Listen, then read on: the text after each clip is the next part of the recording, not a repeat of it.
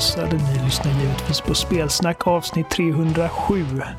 Och det ni hörde där i början var Robins temalåt i ett supercoolt arrangemang av Stefan Norlin. Ni har hört det förut, men nu när jag har ordet vill jag ta chansen att ösa lite kärlek över honom. Han finns på Youtube och i mitt hjärta. Mitt namn är Oliver och idag blir det en enmansshow. Om det är bra eller dåligt bestämmer ni själva. Vi skulle egentligen spela in vårt avsnitt om decenniets spel denna vecka. Eh, men när vi satte oss ner för att spela in märkte vi att Jimmys mikrofon inte riktigt fungerade, så det i kombination med schemakonflikter resulterade i denna ändring. Eh, men vi ska nog kunna få ihop en trevlig podd ändå. Hoppas allt är fint hos er. Själv har jag det fina fisken.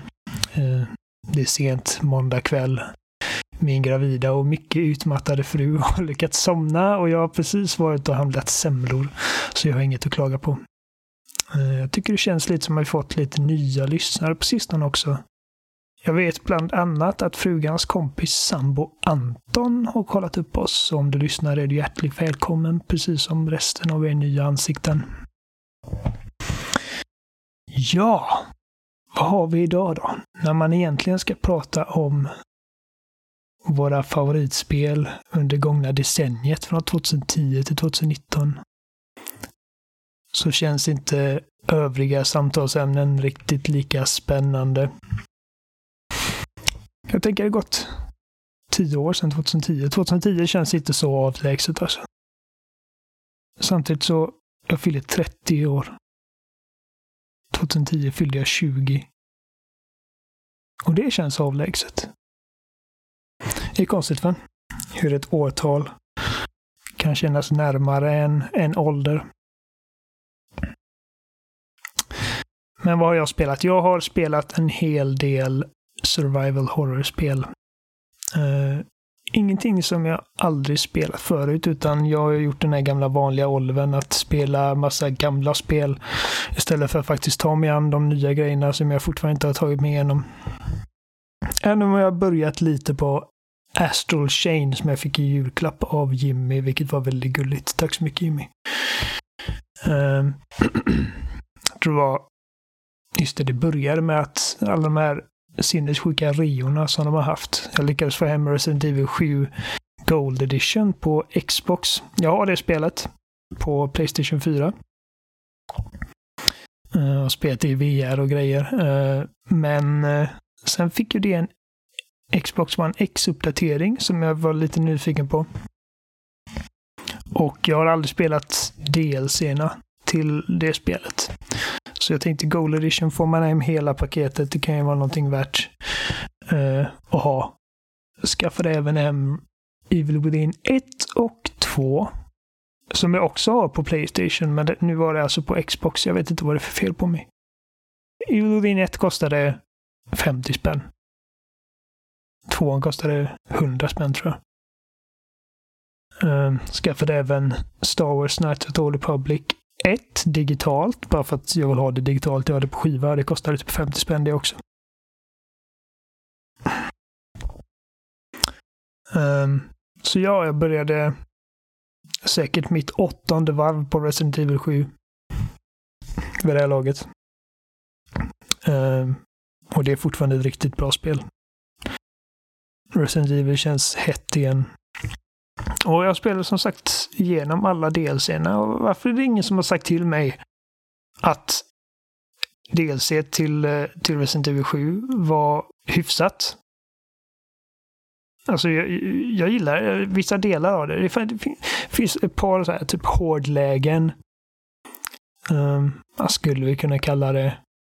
Alltså likna, eh, jämför det lite med Mercenaries-läget som jag tror eh, hade sin debut i Resident Evil 3 till Playstation. Eh, och som jag har spenderat rätt mycket tid med i fyran och femman. Men, men just den liksom poängjakten och så är jag inte riktigt lika intresserad av längre. Eh, utan det är den storybaserade delserna som jag, som jag hade kul med den här gången. Och det första jag tog mig an var de här mer, mer korta i berättelserna. Eh, jag tror de heter Band Footage. Den första är Man spelar eh, Clancy tror jag han heter. Eh, och han är ju givetvis kameramannen.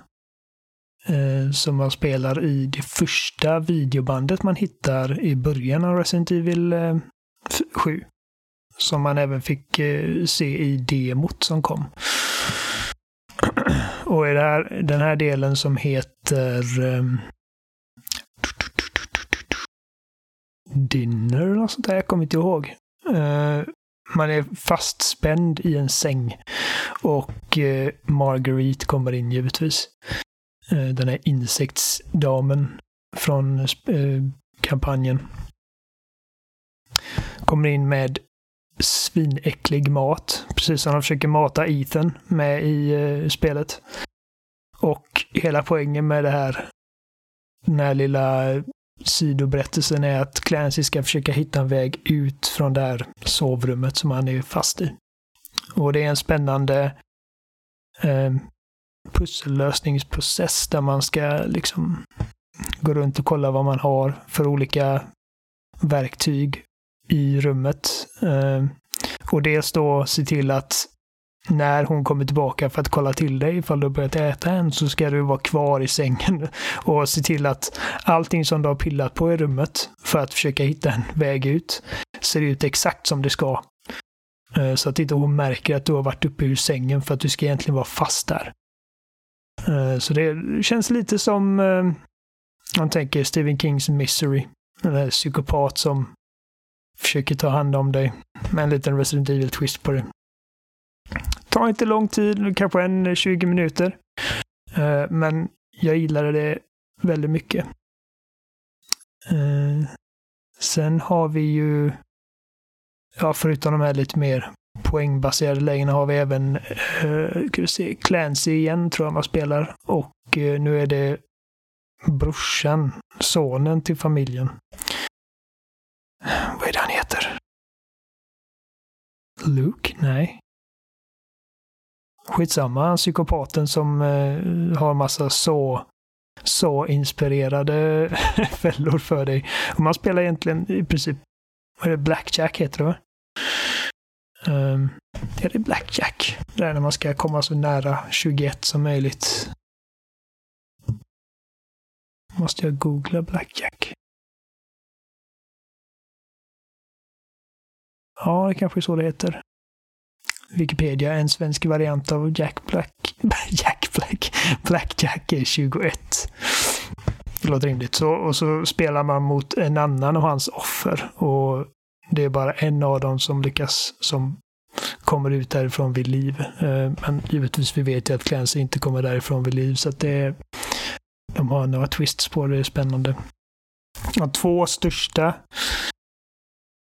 expansionerna till eh, spelet är givetvis Not a Hero som kom först och eh, The End of Zoe. Och Zoe är givetvis den eh, familjemedlemmen, eller Baker, eh, dottern till familj Baker som man har kontakt med genom telefon genom stora delar av Resident Evil 7. Så det avslutar hennes berättelse. Och Not a Hero spelar man som Chris Redfield. Vilket jag tyckte när man såg honom i slutet av spelet första gången, tyckte jag det där ser inte riktigt ut som Chris. Um, I alla fall inte om man jämför med hur han ser ut i femman och sexan. Men efter att ha återgått till ettan lite grann så han ser betydligt mer ut som han gör i originalspelet. I sjuan. But I digress. Uh, Not a Hero. Man spelar Chris och man ska fånga honom. Uh, varför, varför vill jag säga Luke? Han heter inte Luke. Uh, Resident Evil Baker Family. Dun, dun, dun, dun, dun, dun, dun. Lucas heter han. Det var nära. Lucas. För att alla som har spelat Resident Evil 7 vet ju att man faktiskt aldrig får ta sig an Lucas fysiskt. Utan man överlever hans fällor och sen försvinner han. Så det blir Chris Redfields jobb att jaga ner honom. Och Chris eh, spelas lite annorlunda jämfört med Ethan. Eftersom Ethan är en vanlig snubbe och Chris är en veteran vid det här laget. Um, Så han har mycket, mycket bättre koll på sina vapen. Han, han är mer precis när han skjuter. Han har lite bättre vapen. Han kommer förberedd. Och han kan även använda sina legendariska nävar för att eh, slå skallen av zombies som är stunnade, om man ska säga, när man har skjutit dem. Lite som i eh, föregående spel.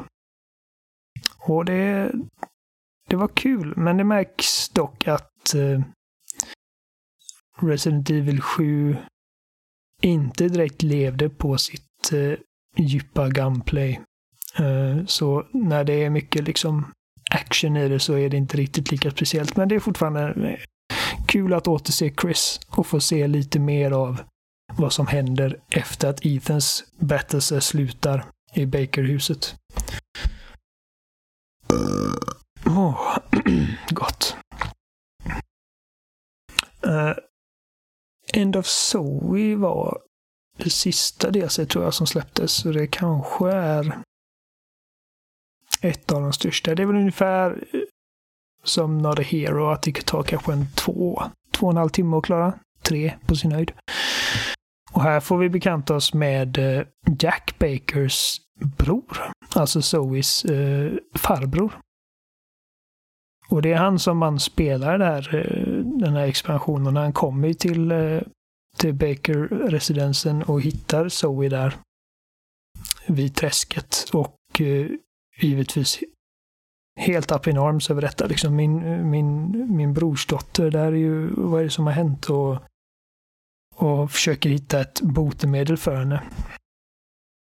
Och eh, eftersom att det var väldigt nyligen jag spelade så tänker jag inte gå in så mycket mer på handlingen i det, men det är kul hur, eh, hur han spelas. Vad dålig jag är på namn, jag kommer inte ihåg vad han heter, men han är i alla fall Jack Bakers bror. Um, kanske finns här i samma wiki i och för sig. Joe Baker heter han, precis. Joe Baker.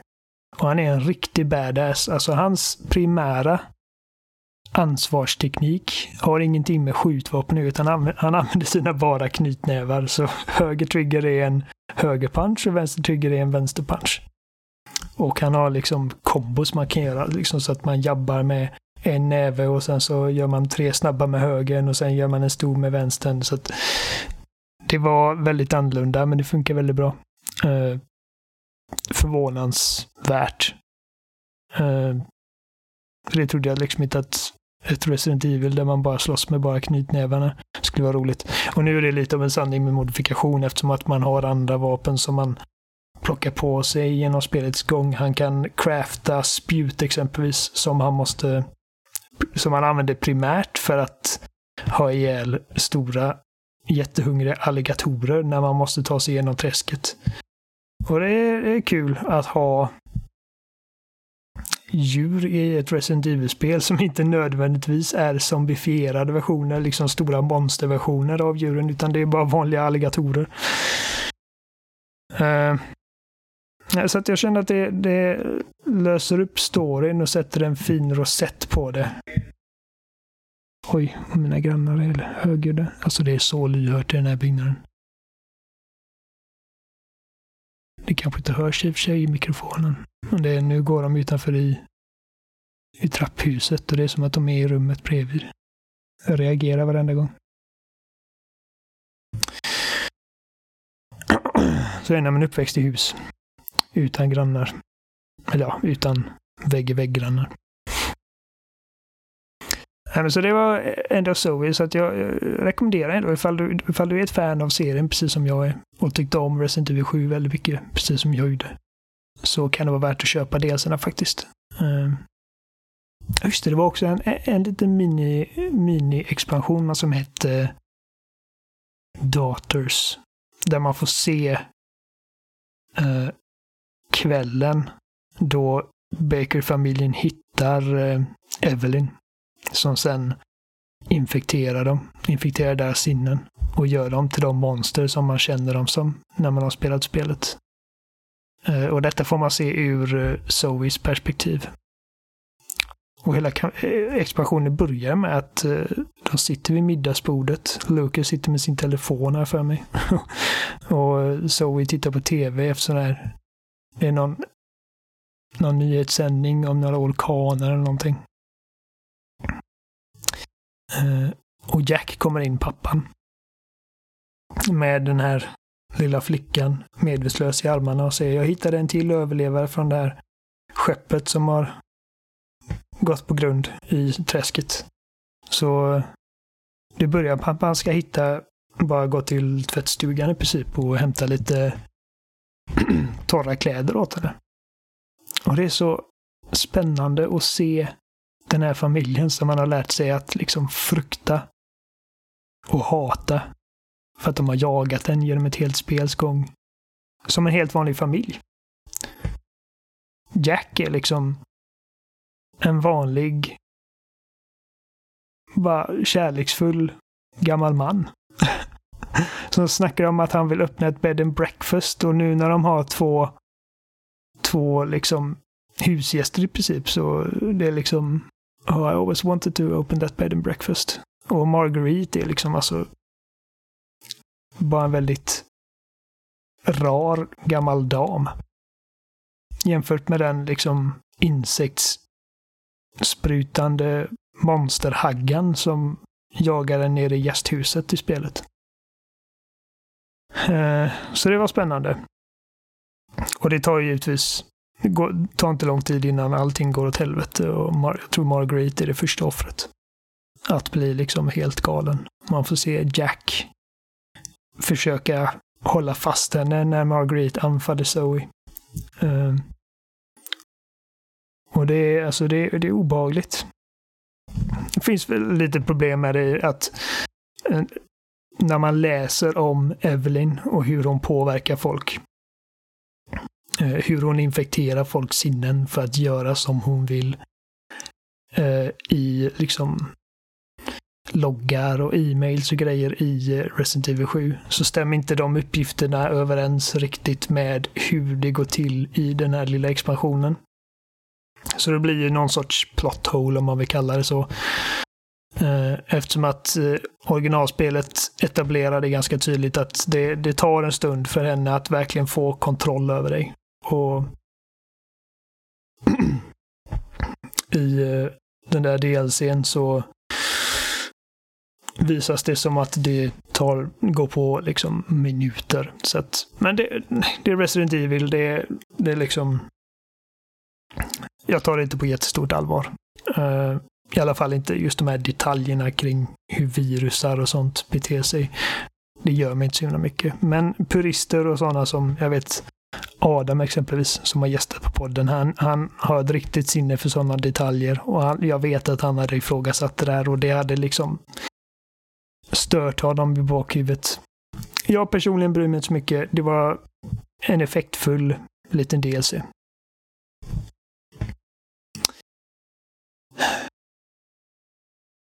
Resident Evil alltså. Kan du tänka er det? Om vi tänker tillbaka lite på den serien hur det såg ut för bara några år sedan. Um, för jag minns min första, vad ska man säga, min första um, encounter med serien var med tvåan hemma hos en kompis för han hade en Playstation. Jag hade en Nintendo 64. Och min kompis hade en äldre bror som spelade lite mer barnförbjudna spel. Så vi fick givetvis inte spela de här spelen, men vi var olydiga och smög upp på natten ner i gillestugan där PS Playstation var och satte igång spelet. Och vi spelade faktiskt inte så himla länge innan vi villigt stängde av och gick och la oss. det var lite läskigare än vad vi kunde hantera när vi var så här, vad, kan vi varit åtta år gamla. Um, men även om jag kände att usch, jag är nog inte riktigt redo för det än, så var det ändå, det satte liksom sitt spår i mig. Det hade liksom greppat mig och jag visste att en dag ska jag återvända till den serien för att jag var liksom omedelbart compelled av det. Precis som alla är av saker man är rädd för, antar jag. Alltså jag är skräckslagen för hajar exempelvis. Det är min värsta mardröm. Att vara ute på öppet hav med hajar omkring. Ehm, men Å andra sidan, jag älskar hajar. Jag gillar hajfilmer. Även dåliga hajfilmer. det är så det är va? Eh, sen spelade jag Dino Crisis en del, alltså det, det fick jag spela för mina föräldrar för det kändes inte riktigt lika. Det var givetvis blodigt och lite läskigt också ifall man var i den åldern, men eh, det var inte riktigt liksom levande döda som ville äta din hjärna. Utan det var dinosaurier. Och jag hade sett Jurassic Park för det laget. Och dinosaurier var liksom my jam. Det fanns inget jag älskade så mycket som dinosaurier. Uh, så jag var ju bekant med Resident Evil genom Dino Crisis. I den bemärkelsen att Dino Crisis i princip bara är ett Resident Evil med dinosaurier istället för zombies. Och uh, jag tror att Alltså, Resident Evil 4 var nog det första Resident Evil-spelet jag klarade ut själv. Det kom när jag var 15. Eh, så jag hade åldern mer inne och eh, jag älskade spelet. Det är ett av mina favoritspel. Och jag tror att inför hypen av det spelet så skaffade jag remaken av ettan och Resident Evil Zero. Som jag också tyckte om väldigt mycket, men som det tog, en, tog lite längre tid för mig att klara dem. De är ju faktiskt lite svårare än vad Resident Evil 4 är, känner jag. Uh, Resident Evil Zero har jag fortfarande inte klarat. Och jag tror det handlar mycket om att, ja, förutom att det är bara att det inte, inte är lika bra spel helt enkelt. Jag tyckte om konceptet med att ha två protagonister. Eh, som man kontrollerade eh, båda två liksom. Och hur det påverkar ens inventory space och pusseldesign. Och jag gillade konceptet med att ha det liksom vara fast på ett gammaldags lyxtåg, ungefär som Orientexpressen. Uh, ehm, med zombies. Men det var någonting med den här liksom klänningssnubben med rött långt hår som sjöng opera för att frammana jag var nära på att säga kackerlackor, men det är mer typ blodiglar som sen formar sig till monster. Det var liksom lite bajsnödigt så det var lite weird. Och de hade apor, till och med grodor vid ett tillfälle. Det var mer liksom, åh, en jättestor skorpion och åh, en stor tusenfoting. Det var inte lika coolt. Men jag ska ta mig igenom Zero. För jag har det på PS4 och jag har haft det på PS4 ett tag. Så någon gång ska jag ta mig igenom det uh, min poäng är att jag har gillat Resident Evil väldigt länge. Och den serien var liksom någonting man kunde räkna med. Det var liksom ett väldigt hett varumärke. Jag får mig tänka på en sak.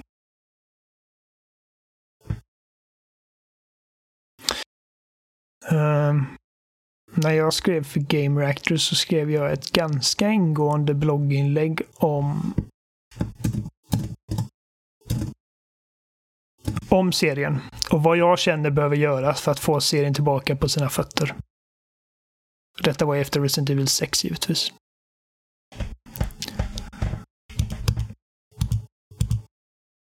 Precis, här har vi den. Hur Capcom kan rädda Resident Evil. Skrivet av Oliver Thulin den 30 januari 2015 06.24. 06.24. ja, jag satt uppe länge med den. Um, lite eh, så här hybrisvarning på, eh, på rubriken där ser jag liksom som att jag har alla svaren. Men jag tyckte... Ja. Det kan vara intressant att gå igenom den här lite snabbt. Um, så här med facit i hand och se hur serien står sig idag jämfört med vad jag önskade då. Så jag börjar med en gång i tiden när ansågs Resident Evil 1 spelvärldens hetaste varumärken. Ja, ja, bla, bla, bla, bla. Så har jag det i punktform här. Och om ni kan ha lite tålamod med mig. Jag tänkte vi skulle gå igenom de här punkterna. Eh, så första punkten heter Behandla det som en reboot. Och jag fortsätter. Försök hitta tillbaka till tänket som gav Resident Evil liv från början. Ignorera allting som har hänt sedan dess. Och om det ens ska vara lönt att verkligen storsatsa på den här serien igen måste något radikalt hända. Spelmediet har utvecklats i rasande takt och dess publik med det.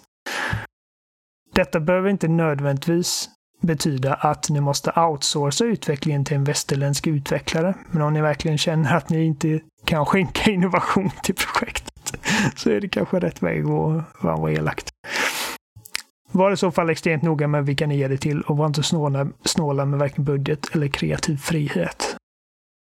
Så första punkten behandlades som en reboot. Det kan man väl ändå säga att de med Resident Evil 7 gjorde. För att det är ju inte direkt... Alltså det är, inte en, det är ju inte en reboot på det sättet att de liksom struntar i allt som har hänt i serien och börjar om från början. Men det är väl en, mer av en...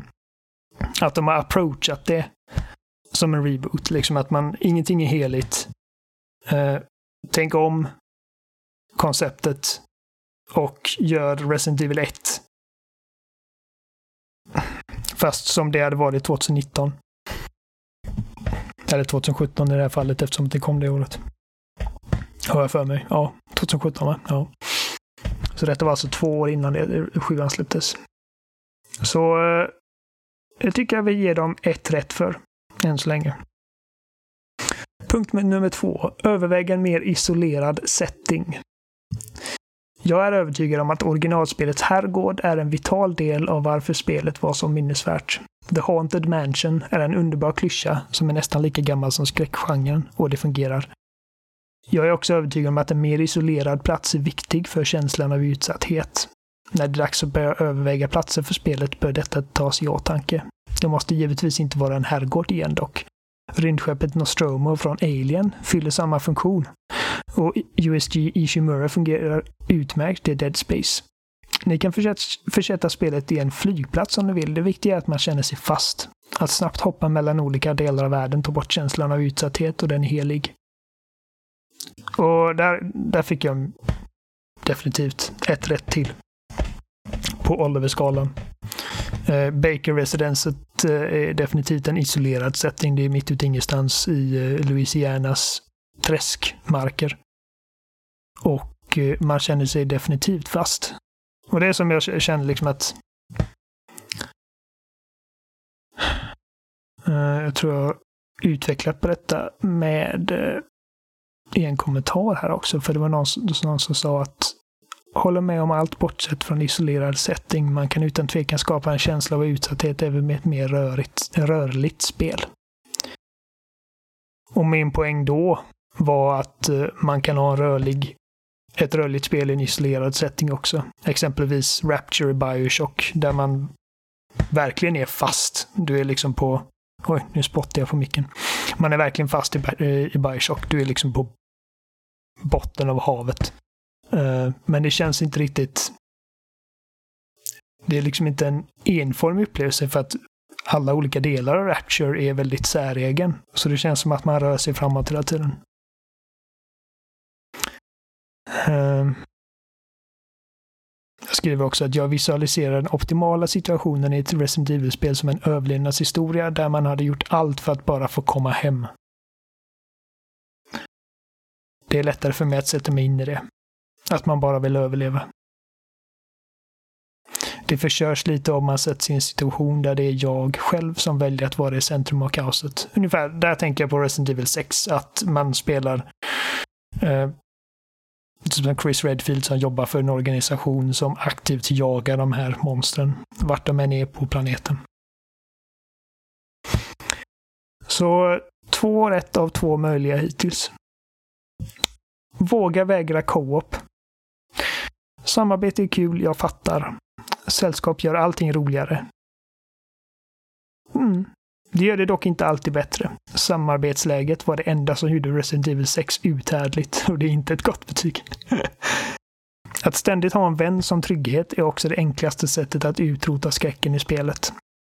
Det finns en anledning till att det finns människor som vägrar titta på skräckfilm utan sällskap och gärna prata med någon i telefon när de promenerar genom ett kusligt område om nätterna. I ett skräckspel borde den första regeln vara att inte ge spelaren någon sådan lyx. Jag vet att Resident Evil på senare år har blivit synonymt med co-op. Något jag personligen sörjer djupt. Men tänk på att det mest gripande av framgångshistorier mer än ofta sällan börjar med enorma risker. Ta språnget. jag bara gillar att den här texten får det att framstå som att jag har alla svar.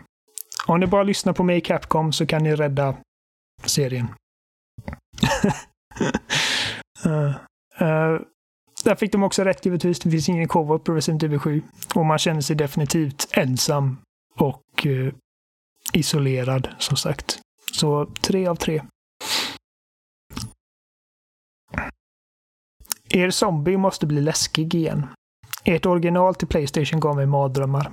På den tiden kunde jag inte föreställa mig något mer fasansfullt än en stönande, ruttnande och vack ett stönande, ruttnande och vacklande lik, som inte har några existerande ambitioner annat än att göra mig till dess middag.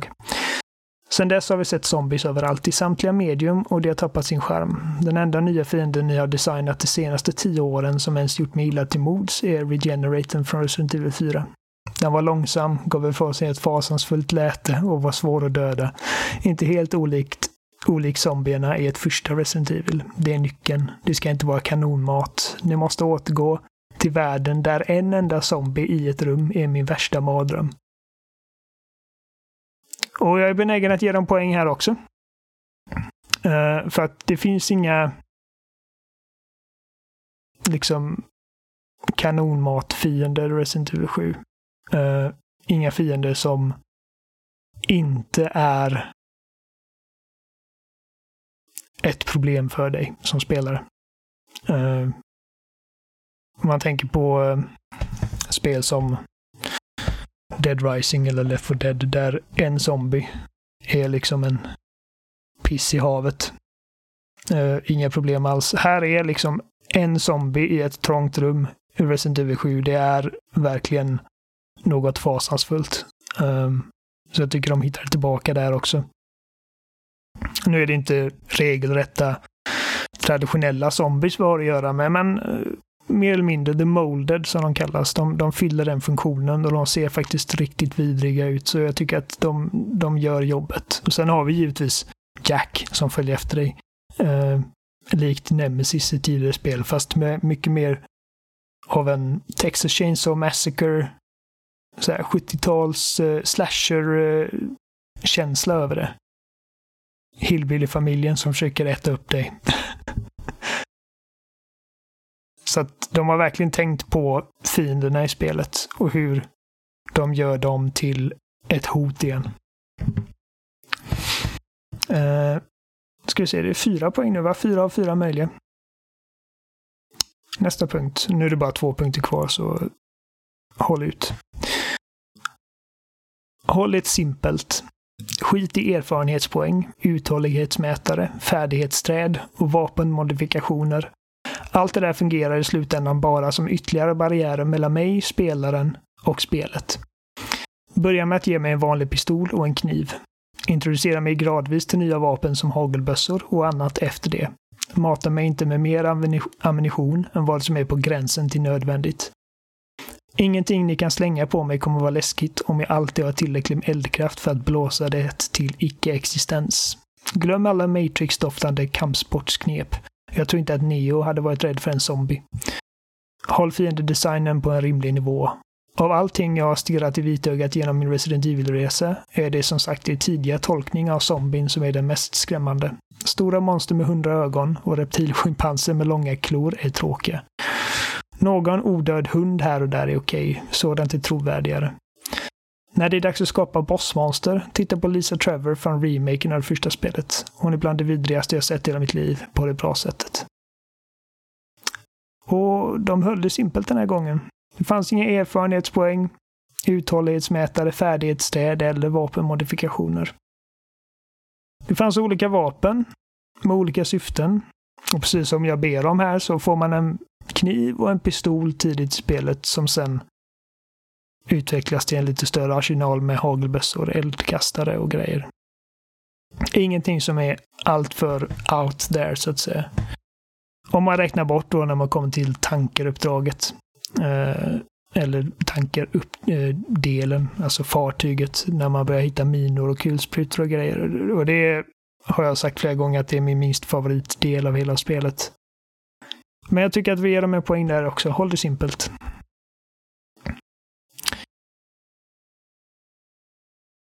Och det sträcker sig även till fiendedesignen. Uh, den är också simpel. Så som sagt, fem av fem möjliga poäng. Och så sista. Take it down a couple of notches, som man säger på engelska. Uh, inte nachos, utan notches. Detta vävs in i föregående punkt, fast med mer fokus på berättelsen. Våga ta detta på allvar för en gångs skull. Lägg ner albinodvärgar utklädda till Napoleon, som förvandlas till köttätande växter, och muskelknuttar som bokstavligen flyttar berg genom att slå på dem med sina bara knytnävar. Låtsas som att Wesker, som har mer gemensamt med en skrattretande odödlig animekaraktär än något annat, aldrig har existerat. Gör saker som vi lättare kan relatera till, skräck som vi kan sätta oss in i. Och detta är alltså första gången jag återbesöker den här bloggen sedan jag skrev den, tror jag. Och det är fyra år sedan, snart fem år sedan. 30 januari 2015, det är snart fem år sedan jag skrev den. Och i det här blogginlägget så kommer jag ifrån perspektivet som ett Resident Evil-fan som precis har genomlidit Resident Evil 6 och sett små små spår av hopp för serien med Revelations 1 och 2. Men Revelations 1 och 2 kändes ändå som, mer som sidospår. Än någonting annat. Uh, så att vid det här laget så känns det verkligen som att vi kanske aldrig får se Resident Evil komma tillbaka till sin forna glans igen. Och det är därför det är så jävla kul att kunna sitta här nu fem år senare och säga att de har hittat tillbaka. Att Resident Evil känns hett igen med, som sista punkten är sex poäng av sex möjliga på Oliver-skalan. Och där, givetvis, där behöver vi inte stämma överens med vad du som lyssnar vill för serien. Det, det är liksom det är rättvist för att Resident Evil har varit så många saker nu på under sin tid. Det har varit ett skräckspel, det har varit ett actionspel, det har varit ett co-op-spel. Så att det finns ju olika sorters fans av Resident Evil nu det finns de fans som jag då som vill att det ska vara en, ett survival horror-spel och det finns de som vill att det ska vara ett actionspel och kanske allra helst att det ska vara ett actionspel som man kan spela med en kompis. Men för, för egen del så känns det väldigt kul att de har hittat tillbaka till vad de började som. För det, det tog jag ifrån mig med Resident Evil 7 var att det här känns som det här är ungefär som om Resident Evil 1, om det hade gjorts idag. Um, så jag tackar för att ni lyssnar på min gamla blogg. Det är kul att gå tillbaka till uh, så här gamla inlägg man har skrivit. Se vad som har utvecklats med dig. Vad som har hänt i världen sen det skrevs. Capcom överlag är bara så jävla bra just nu. Alltså, vi har pratat mycket om Resident Evil 7, men vi har Resident Evil 2-remaken som kom i förra året och verkligen blåste nästan allas förväntningar. Uh, hur ska jag... Blåste allas förväntningar av stolen, så funkar det inte. Blåsta alla av stolen heter det. Och överträffade allas förväntningar. Men det var nominerat till Game of the Year på, eh, på Game Awards. Uh, på GR tror jag att det, det blev utnämnt till Game of the Year. Johan hade det som sitt Game of the Year och jag hade det på min topp 5-lista. Och liksom att ha det, dels ha ett Resident Evil-spel på topp 5-listan 2017 och ett Resident Evil-spel på topp 5-listan 2019. Det känns skitkul verkligen. Um, och RE Engine som de utvecklade för Resident Evil 7 är ju skitbra verkligen. Alltså det, det, det används för Devil May Cry 5 också. Som råkar vara mitt absoluta Game of the Year i år. Så vi har Devil May Cry 5 och Resident Evil 2 remaken på samma år. Liksom båda med Ori Engine, båda från Capcom. Ett företag som i flera år kändes som att de tappade bort sig själva lite. Men nu har kommit tillbaka för att visa var skåpet ska stå. Kolla lite på... Kolla lite på deras mest sålda spel. Och det är faktiskt väldigt förvånande för mig att Monster Hunter World är tydligen deras mest sålda spel någonsin, enligt Wikipedia. Med 14,1 miljoner sålda enheter. ändå en sån nischad titel. Det är också liksom ett kanonspel från Capcom som kommit nyligen. Ja, precis. Förra året kom det. Capcom, om ni lyssnar, vilken applåd jag ger er till nu. Jag kan inte, jag kan inte klappa så mycket högre än så här för att vakna igen nu, men alltså ni är grymma just nu. Och kul att Monster Hunter World, som är liksom som sagt ett så nischat spel, att det har lyckats sälja så många enheter. På andra plats var Resident Evil 5. Det sålde väldigt bra. Fortfarande det bäst sålda, eller mest säljande spelet i Resident Evil-serien med 7,5 miljoner. Sen har vi Resident Evil 6. Hack i häl med 7,4 miljoner. Sen strax efter det kommer Resident Evil 7. Biohazard som det heter i undertitel. Och i Japan heter det Biohazard 7 Resident Evil. Med 6,8 miljoner. Så det har inte sålt riktigt lika bra som de två största co-op-spelen i serien, men jag tror inte att... Jag tror inte det behöver göra det. Alltså, det skulle inte förvåna mig om Resident Evil 6, med tanke på hur stort och ambitiöst det var, uh, att det var mycket dyrare att utveckla än vad Resident Evil 7 var. Och då är liksom skillnaden mellan 6,4 och Nej, 6,8 och 7,4 är inte så himla mycket. För Resident Evil 6 hade fyra separata kampanjer med, med början, mitt och slut. Alla som på något sätt skulle representera en viss smak för ett separat Resident Evil-fan. Jag tror att det var det som var problemet med Resident Evil 6. Att när vi står här nu med så många olika sorters fans så vi vill kunna erbjuda någonting för alla, vilket slutar med att man inte riktigt gör någon nöjd på det stora hela. Inte riktigt helt nöjd. Jag tycker vissa delar av Leons kampanj i sexan är helt okej, okay, men resten är verkligen spya. Alltså det är kul. Det var en liten titt tillbaka på den serien. Och jag minns hur nervös jag var inför Resident Evil 7. Um, ehm, för att det demot de visade påminde mer om typ PT eller Outlast. Eller Gone Home för den delen, för man hade inga fiender i den första versionen av demon att möta. Och, så jag tänkte liksom, okej, okay, ska det vara en sån här grej där jag bara springer ifrån monster och inte kan försvara mig. För det liksom, jag gillar det i Outlast. Jag gillar det i uh, Alien Isolation. Jag gillar det i uh, Amnesia. Men just Resident Evil vill jag ha någon form av självförsvarsmöjlighet. Um, så det var jag väldigt nervös för. Jag, ringde domedagsklockorna ganska tidigt där. Jag för mig att jag skrev en annan blogg där, typ för att Resident Evil 7-demon lovade inte gott.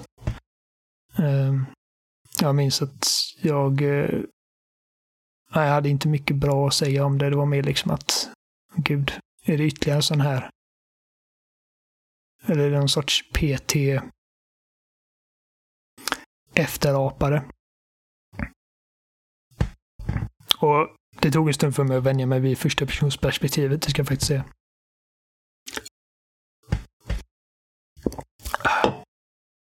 Vaniljkola är gott. Men det löste sig ju. När man väl fick sin, sin pistol och kunde försvara sig. Det kändes precis som Resident Evil ska göra, trots att det var i första person. Och vi har ju inte jättelångt kvar att vänta tills nästa Resident Evil-spel kommer. Trean, remaken av trean, ser riktigt bra ut. Däremot känner jag att det är lite av en missad eh, möjlighet att inte göra Resident Evil eh, 3 i första person. Får man tänka på det, då vi, liksom, vi har originaltrilogin till Playstation. Ettan, tvåan, trean. Och trean är ju definitivt det som är mest actionbetonat.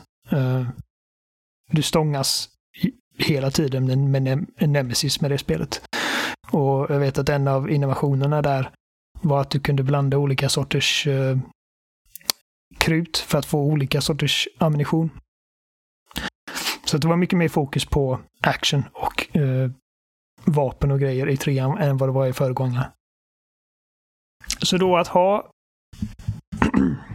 tre remakes av de tre första spelen som alla representerar en del av seriens historia tycker jag hade varit jävligt coolt. För då, remaken av ettan, det är fortfarande de här liksom statiska vinklarna.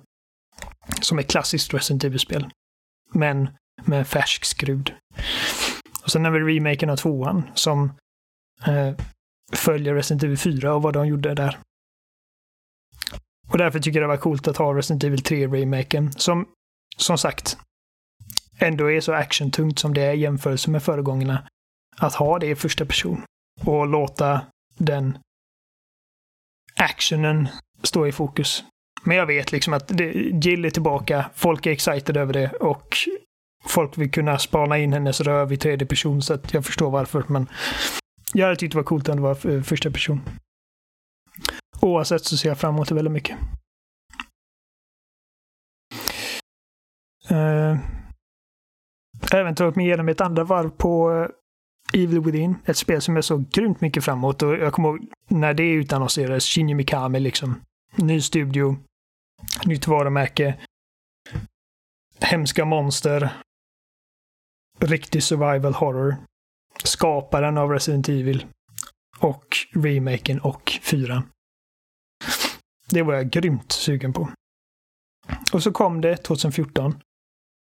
Och eh, det kändes lite janky. Det var liksom... Det hade inte den återhållsamhet som jag hade hoppats på. Och det där letterbox-formatet som täckte halva skärmen. Det var jag inte förtjust i. Det kändes lite stelt. Storyn var lite... Äh. Karaktärerna var lite äh.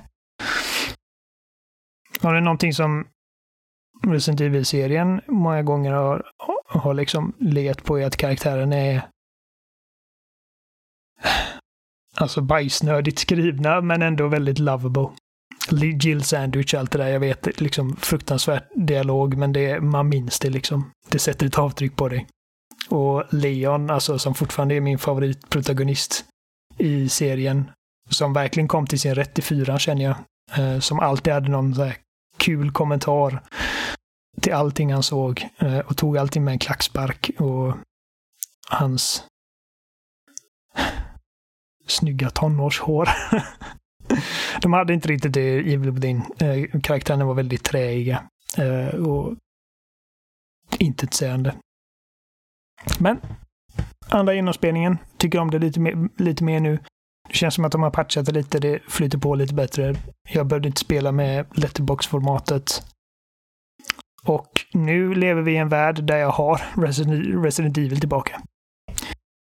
Och plötsligt så faller inte hela hoppet om hela genren på just Evil Within. Så att det kommer undan med att inte vara liksom helt fantastiskt. Det, det är ett trevligt spel.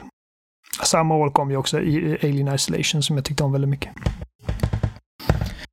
Jag ber om ursäkt för min knarriga stol. Alltså jag, jag sitter vid datorn och jobbar åtta timmar om dagen. Och jag har en köksstol. Jag måste köpa en datorstol innan min rygg går sönder. Uh,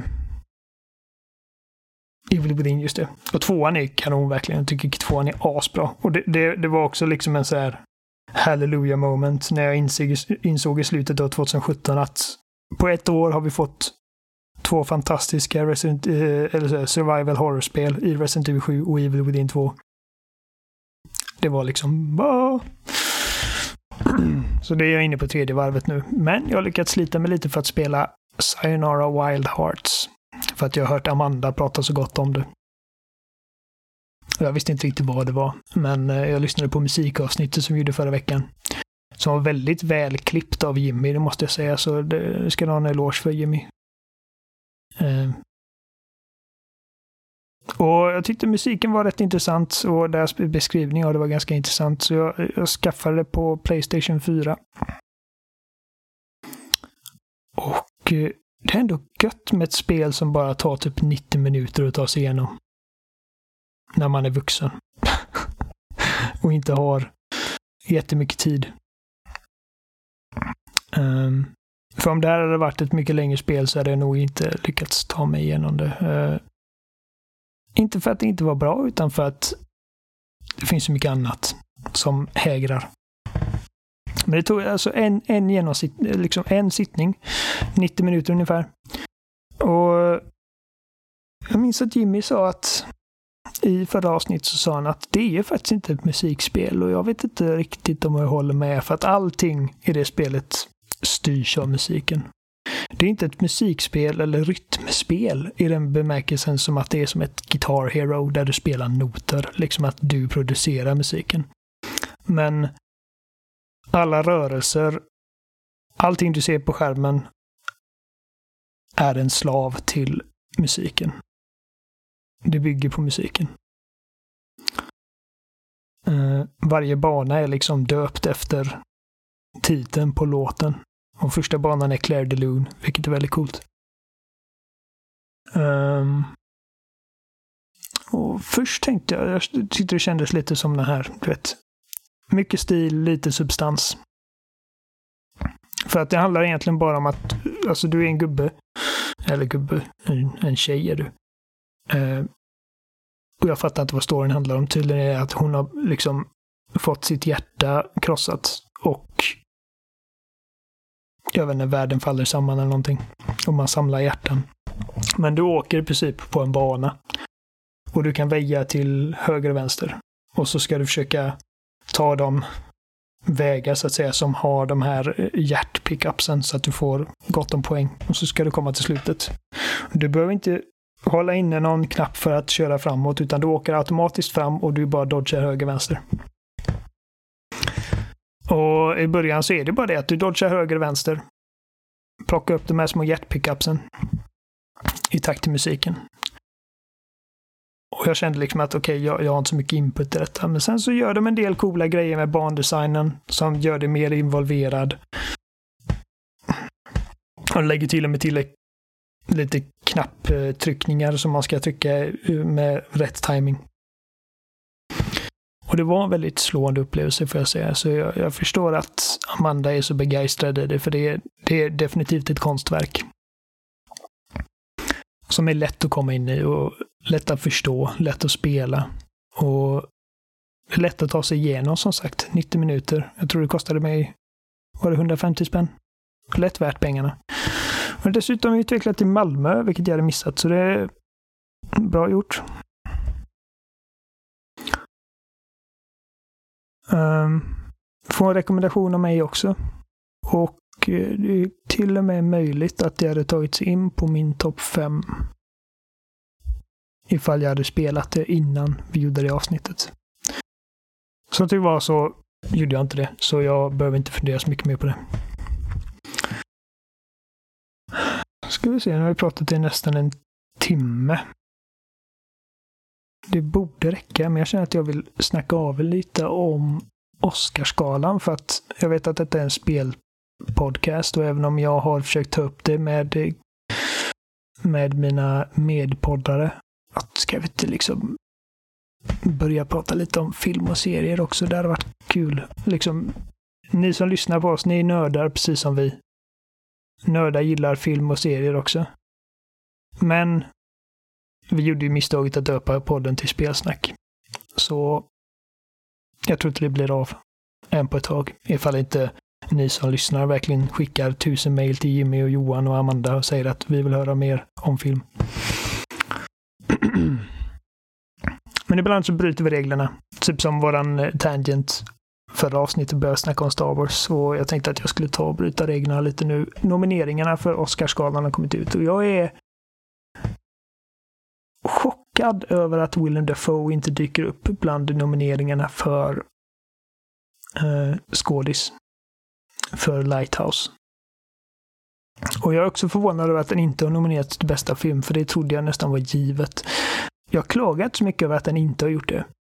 För att jag var inte så här jättebegeistrad i den. Jag har svårt att sluta tänka på den för att Willem Dafoe är elektrisk. Alltså han är helt oemotståndlig i den. Det, när han pratar, liksom, han har en lång monolog. Där han bara liksom förbannar Robert Pattinsons namn. För att Robert Pattinsons karaktär sa att han inte gillade hans matlagning. Och det är liksom typ den bästa scenen i hela filmen. Och jag återkommer ofta till den i, eh, i huvudet och tänker på den. Eh, men det var inte en av mina favoritfilmer i år, så att jag kan inte klaga över att den inte nomineras till bästa film, för då vore jag en hycklare. Men han hade definitivt lätt kunnat få en nominering för en eh, skå eh, skådis-Oscar, tycker jag. Ehm, men i alla fall, filmerna som nomineras till bästa film är Ford vs Ferrari, The Irishman, Jojo Rabbit, Joker, Little Women, Marriage Story, 1917, eller 1917, Once upon a time in Hollywood och Parasite. Nu har inte jag sett alla de här. Jag har sett The Irishman, Joker, Marriage Story och Once upon a time in Hollywood. Jag vet inte vilken film jag vill vinna denna. Jag skulle inte förvåna mig om Parasite vinner för att den har jag hört så fruktansvärt mycket bra om. Och jag gillar regissören. Um, uh, Bong Joon-Ho heter han. Uh, han har gjort filmer som uh, den koreanska uh, skräck, creature feature-filmen The Host som jag tycker är väldigt underskattad. Eller underskattad ska jag inte säga. De flesta som har sett filmen tycker om den. den är... Den, fler borde se den helt enkelt. Och eh, Snowpiercer som är grym. Ehm, där borde man definitivt också se. Och sen har jag hört massa bra om 1917 också av Sam Mendes. Eh, film om första världskriget. Sam Mendes är en väldigt bra regissör. Och eh, jag eh, ville verkligen se den och hade gärna liksom haft den för contention på min contention, säger man så? Alltså övervägt den för min så här, eh, bästa filmlista som jag la upp på Twitter och Instagram. Men den har inte premiär i Sverige förrän senare denna månad, så det blir inte av. Men så fort jag kommer ska jag se den. Uh, Marriage Story var riktigt bra. Alltså det är förmodligen min andra favoritfilm i eh, 2019 efter Knives Out. Den finns på Netflix. Och, så den, den, är det bara att sätta på. Det är Adam Driver och Scarlett Johansson spelar ett gift par som går igenom en skilsmässa. Och eh, den är bara så äkta känner jag. Så fin och så hjärtskärande men så upplyftande på samma gång. Skitbra film, så förmodligen hoppas jag på den. Men det hade varit coolt om en film om Joker hade vunnit också. Det, det, det kommer inte hända, det tror jag inte. Det är samma som när Mad Max Fury Road, alltså årtiondets absolut bästa actionfilm. Alltså en av de bästa actionfilmerna jag någonsin sett. Och det är liksom en lång biljakt och den nominerades till bästa film. Och bara nomineringen var skitkul för jag trodde aldrig att en sån film skulle nomineras. Men då fick jag också hoppet om att snälla, snälla, snälla säga att den vin, eh, vinner bästa film. Det hade varit så coolt. Och det gjorde den inte. Och därför tror jag att chansen att Joker skulle vinna är ganska små. Joker har fått 11 nomineringar, vilket är sjukt. Givetvis för Joaquin Phoenix har nominerats för eh, bästa huv eh, huvudroll, manliga huvudroll. Ehm, um, se här. Bästa regissör med Todd Phillips. Bästa Adapted Screenplay. Bästa foto. Och listan går, liksom, går on and on. Så att eh, det är kul. Supporting actors Kathy Bates, Laura Dern, Scarlett Johansson, Florence Pugh. Pug? Pug. Jag vet inte hur man uttalar det. Och Margot Robbie. Eller Margot Robbie. Mm. Det här har jag faktiskt inga egentliga åsikter för jag Alltså den enda film jag har sett här är Laura Dern i Marriage Story. Och hon var, hon var bra i den, men jag vet inte ifall den är så ögonfallande. Um, ehm. om vi kollar på skådisarna. Manliga skådisar i en uh, huvudroll. Antonio Banderas Pain and Glory har jag inte sett. Leonardo DiCaprio Once upon a time in Hollywood. Han är riktigt bra i den, men det är inte hans bästa film. Adam Driver för Marriage Story, Joaquin Phoenix för Joker och Jonathan Price för The Two Popes. Om inte Adam Driver vinner för äh, Marriage Story så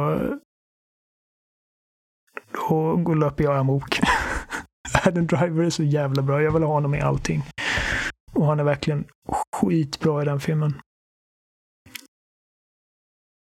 Scarlett Johansson är också nominerad för Marriage Story och hon är också grymt bra i den filmen. Så, så chansen att båda de skulle vinna för sina roller i Marriage Story är ganska små, men jag, det, hade, det hade jag tyckt varit jättekul.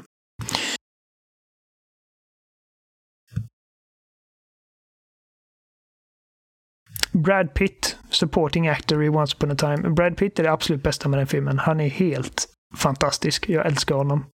Uh, förmodligen min favoritroll med Brad Pitt uh, på många, många år. Så att, eh, ja, alltså bara de sista 30 minuterna i den filmen är helt magiska och han är en stor del av det. Uh, det är en massa regissörer. Animated shorts.